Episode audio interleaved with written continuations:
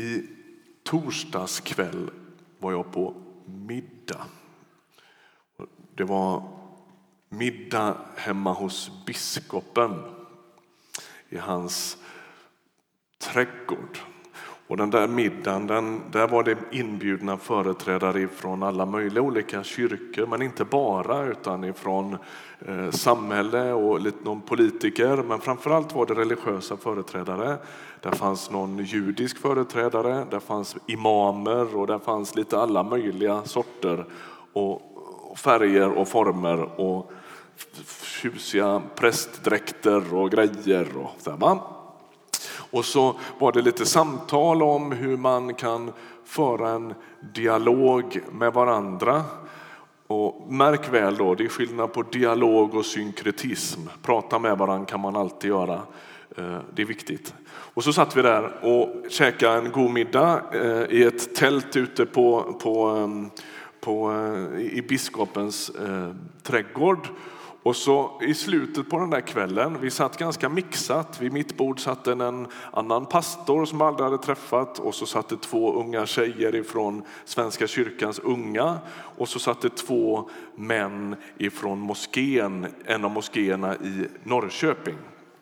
Vi satt där och käkade kanonfin buffé och så kommer frågan ifrån värdinnan. Vänd er till varandra och säg vad er tro betyder för er. Och så tänker man, man är någon sorts professionell pratare om tro. Och så bara, vad säger man, vad säger man? Om man får liksom så här kort på sig, vad säger man? Liksom, är du med på frågan? Alltså vad, hur, hur uttrycker man vad tron betyder för en? Och jag börjar gå igenom alla möjliga olika, liksom, ja, man kanske ska säga något om det, eller förlåtelse och försoning. Och, du vet, så här, och så till sist, så, liksom, som tur var så höll jag lite låg, som bara jag kan, höll jag låg profil. och så började det inte med mig, utan jag fick lite chans på mig. Då, va? Och, så, och så tänker jag så här, ah, men vänta nu, vänta nu. Och så sa jag så här, för mig är tron helt kopplad till Jesus Kristus. Det finns ingen annan... Liksom, det är det som är kristen tro. Vi kan prata alla möjliga storord ni vet, om försoning och förlåtelse och rättfärdighet och skapelsen och evigheten och så. Men om jag ska koka ner det så skulle jag säga Tron är kopplad till personen Jesus Kristus. Det är han som ständigt lockar. Det är han som utmanar mig. Det är med honom jag aldrig blir färdig.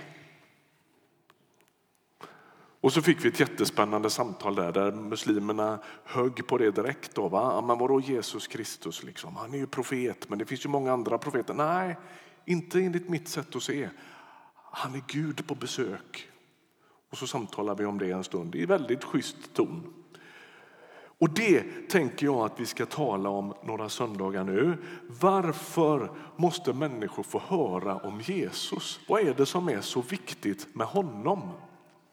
Och vi ska gå till Apostlagärningarnas fjärde kapitel.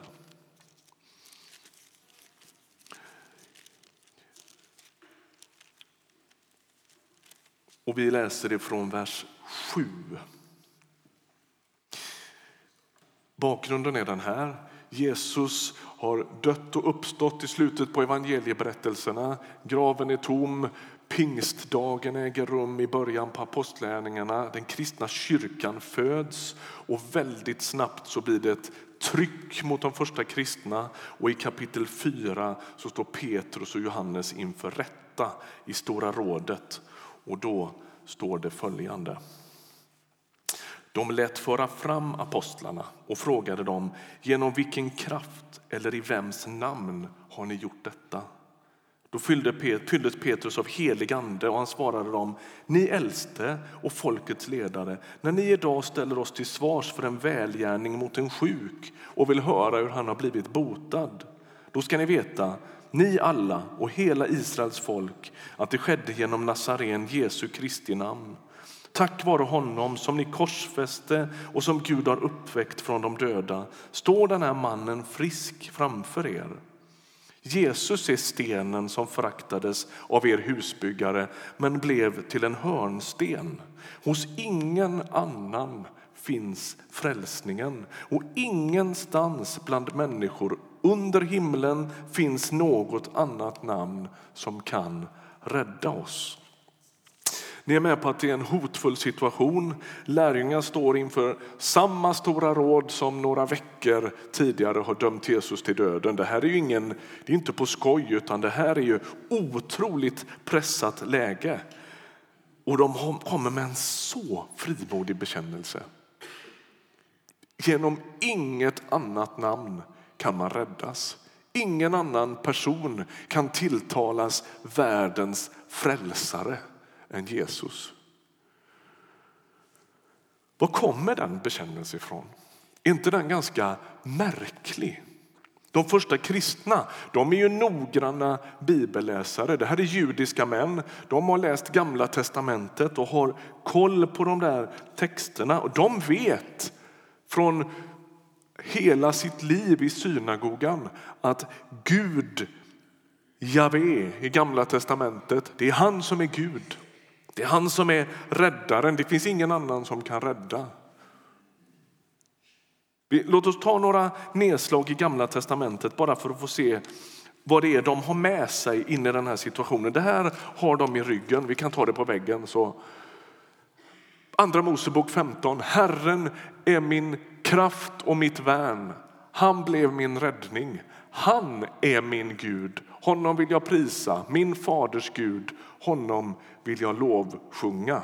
Eller från Saltaren, psalm 18.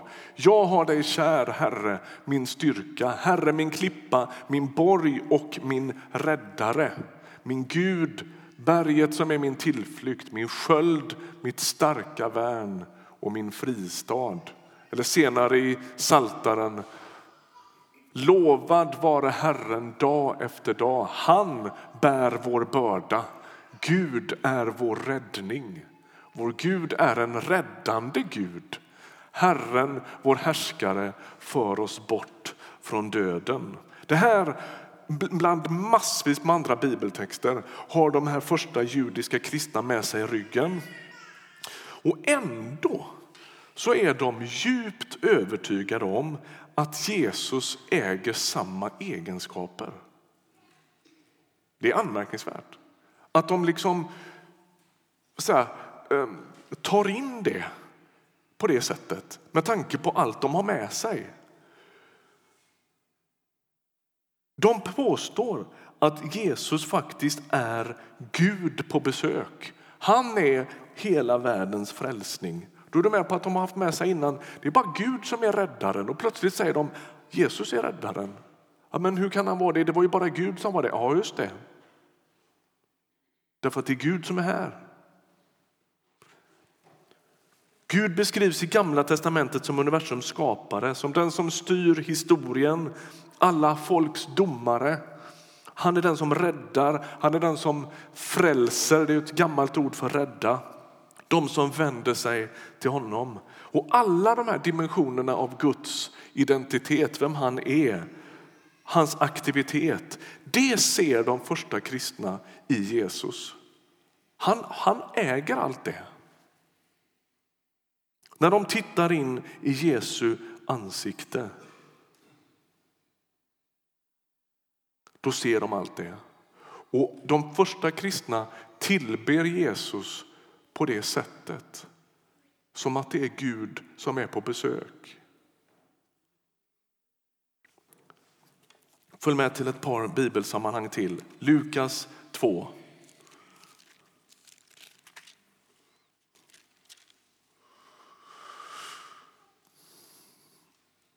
Det här är när Jesus föds. Lukas 2 är ju julevangeliet. Va? Och så kommer Josef och Maria med Jesusbarnet till templet. Och nu står det från vers 27 där, men om man läser från 25, ni får hänga på på väggen alldeles strax. Hade ni haft en bibel med er nu, då hade inte detta upp, upp, hänt. Ni vet, jag ger er små gliringar ibland. I Jerusalem fanns en man vid namn Symeon som var rättfärdig och from och som väntade på Israels tröst.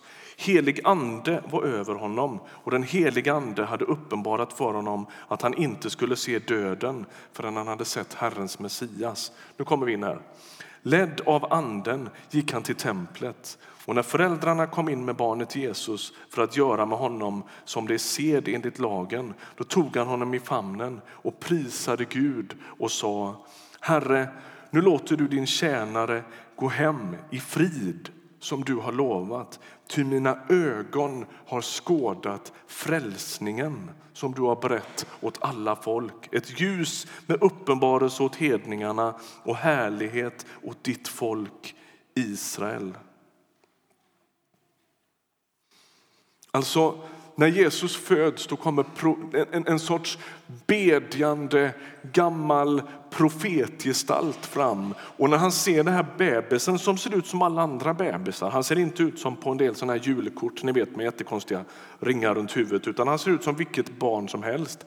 Men profeten Symeon, han ser något annat. Bedjaren Symeon, den här gamle fromme mannen, han ser här kommer Guds räddning.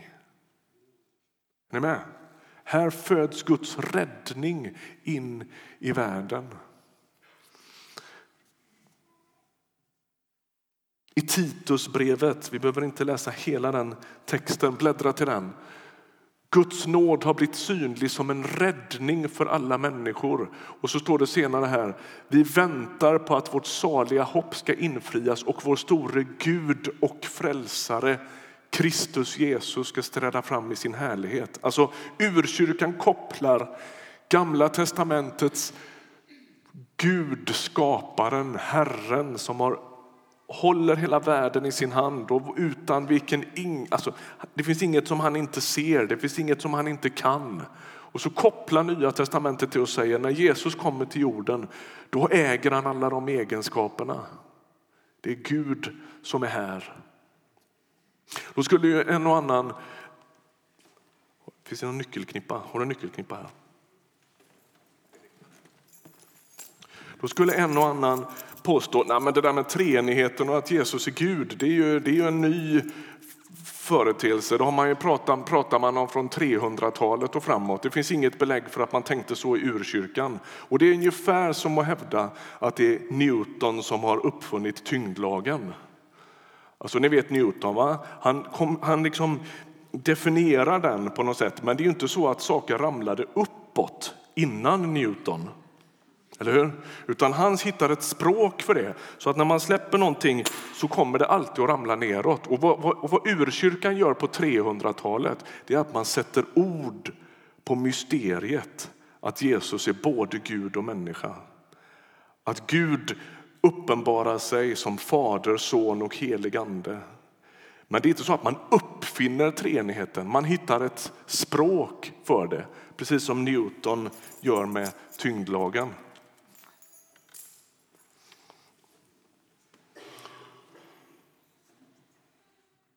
Frälsningens Gud är på besök.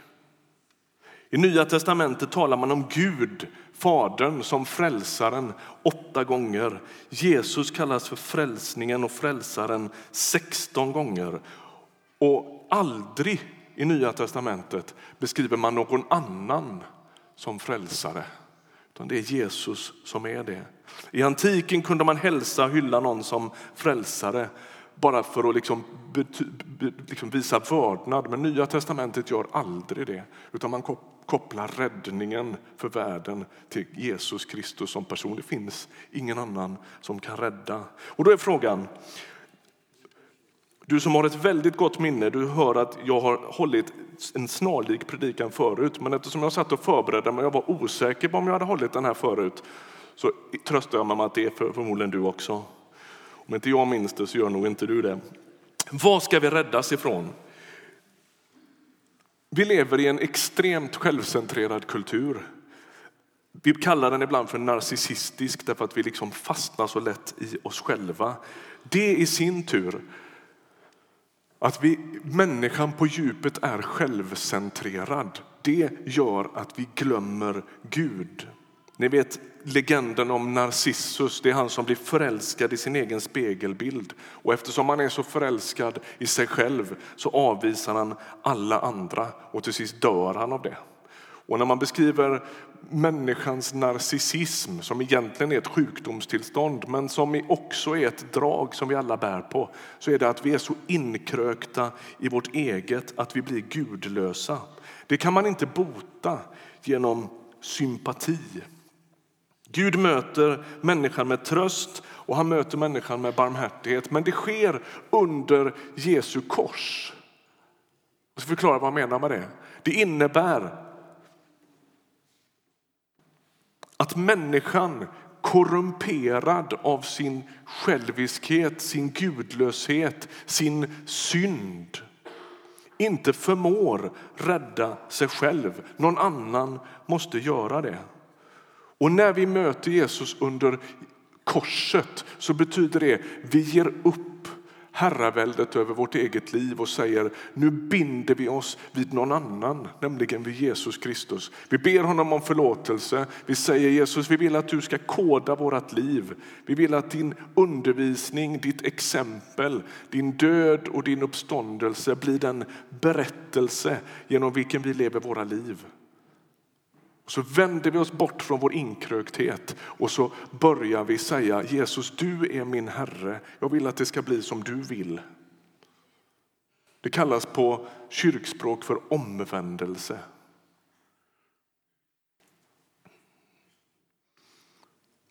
För man måste göra någon sorts uttåg ur sin egen inkrökthet och säga Vi ödmjukar oss och säger Jesus hjälp oss med vår synd. Hjälp mig med mitt mörker, hjälp mig med min gudlöshet, hjälp mig med min oförmåga till förlåtelse, hjälp mig med min självcentrering.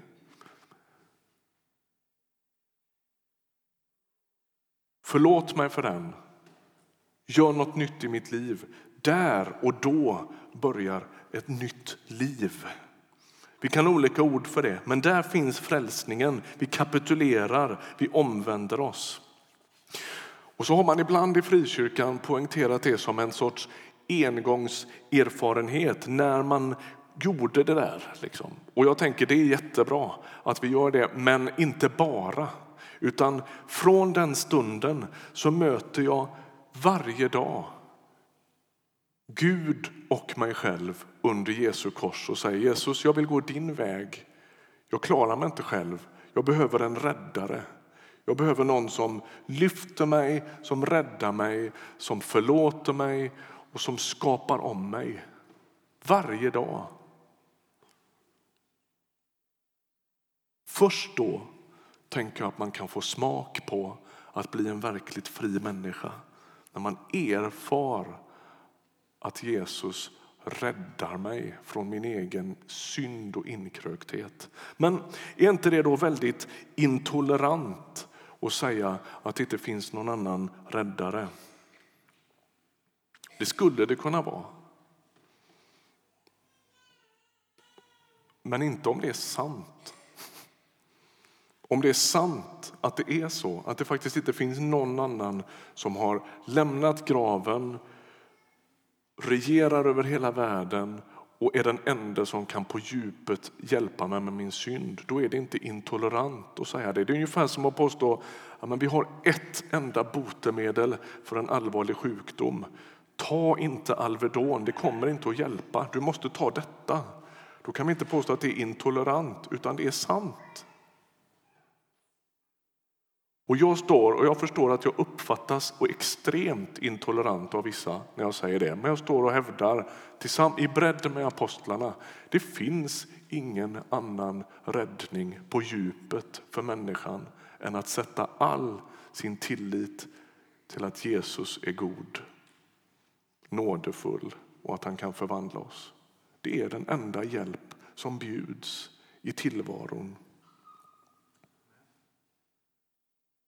De första kristna de menar att de har gått på stranden till Genesarets sjö och sett in i Guds eget ansikte. De mötte Gud i människogestalt vid den där stranden? Varför önskar vi döpa ännu fler? Ni vet, det finns ingen gång det är så mycket jubel i den här kyrkan som när vi har dop. Varför är det så? Jo, därför att vi tror att om en människa börjar tro, vänder sig bort från sin synd till den uppståndne Jesus, då är man med om ett mirakel. Då blir man ett Guds barn. Och ingen annan kan göra det i en människas liv som Gud gör när man sätter sin tro till honom. Den erfarenheten måste allt fler människor få göra. Jag sticker ut hakan och säger så här. Jesus är inte en frälsare i raden. I en postmodernistisk, relativistisk kultur så säger vi gärna oh, men vadå, vem är jag att döma över dig? Om det är så att det där funkar för dig, då är det väl bra. Nej. Jag hävdar med hela kyrkan i ryggen i 2000 år, det räcker inte om inte Jesus får ta hand om mitt hjärta. Det är som att bjuda Alvedon när man är allvarligt sjuk. Det måste till en bättre kur. Vi tror att det är en av, ett av människans, eller det är människans värsta öde att inte upptäcka att Jesus är räddaren. Det är därför vi missionerar. Det är därför vi lägger händerna på människor här var och varannan söndag och skickar dem både långt bort och till... Idag ska vi be för människor som åker till Berga, åker, man går väl till Berga kanske, cyklar, eh, för att bli missionärer där.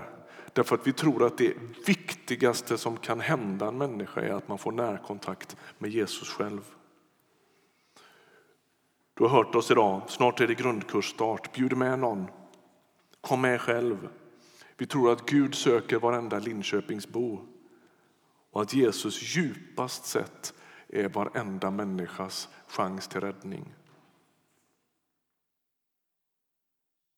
Jesus har gett Gud ett ansikte. Sån är Gud. Andra gudar kan inte göra det Jesus har gjort och andra gudar kan inte vara den Jesus är. Den här serien kommer vi att fortsätta att fundera i två söndagar till kring vem, vad, vad, betyder det och varför är det viktigt att människor får höra om Jesus? Men jag ville lägga en sorts eh, liksom, introduktion till det genom att säga att den kristna kyrkan hävdar att allt står och faller med Jesus Kristus och jag vill stämma in i det. Ska vi be tillsammans? Tack för att du är här och tack för att du är den som kom till jorden och blev Israels och hela världens räddning.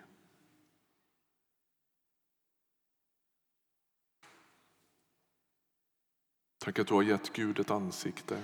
Tack att vi får se ditt liv, din undervisning, mötena med människor, din död, din uppståndelse och förstå lite mer av vem Gud är. Herre, vi blir aldrig riktigt klara med dig. Du chockar oss, du utmanar oss, du tröstar oss, du hjälper oss, du retar oss. Ingen är som du, Jesus. Vi ber att du ska visa det för oss. Hjälp oss att tro. Amen.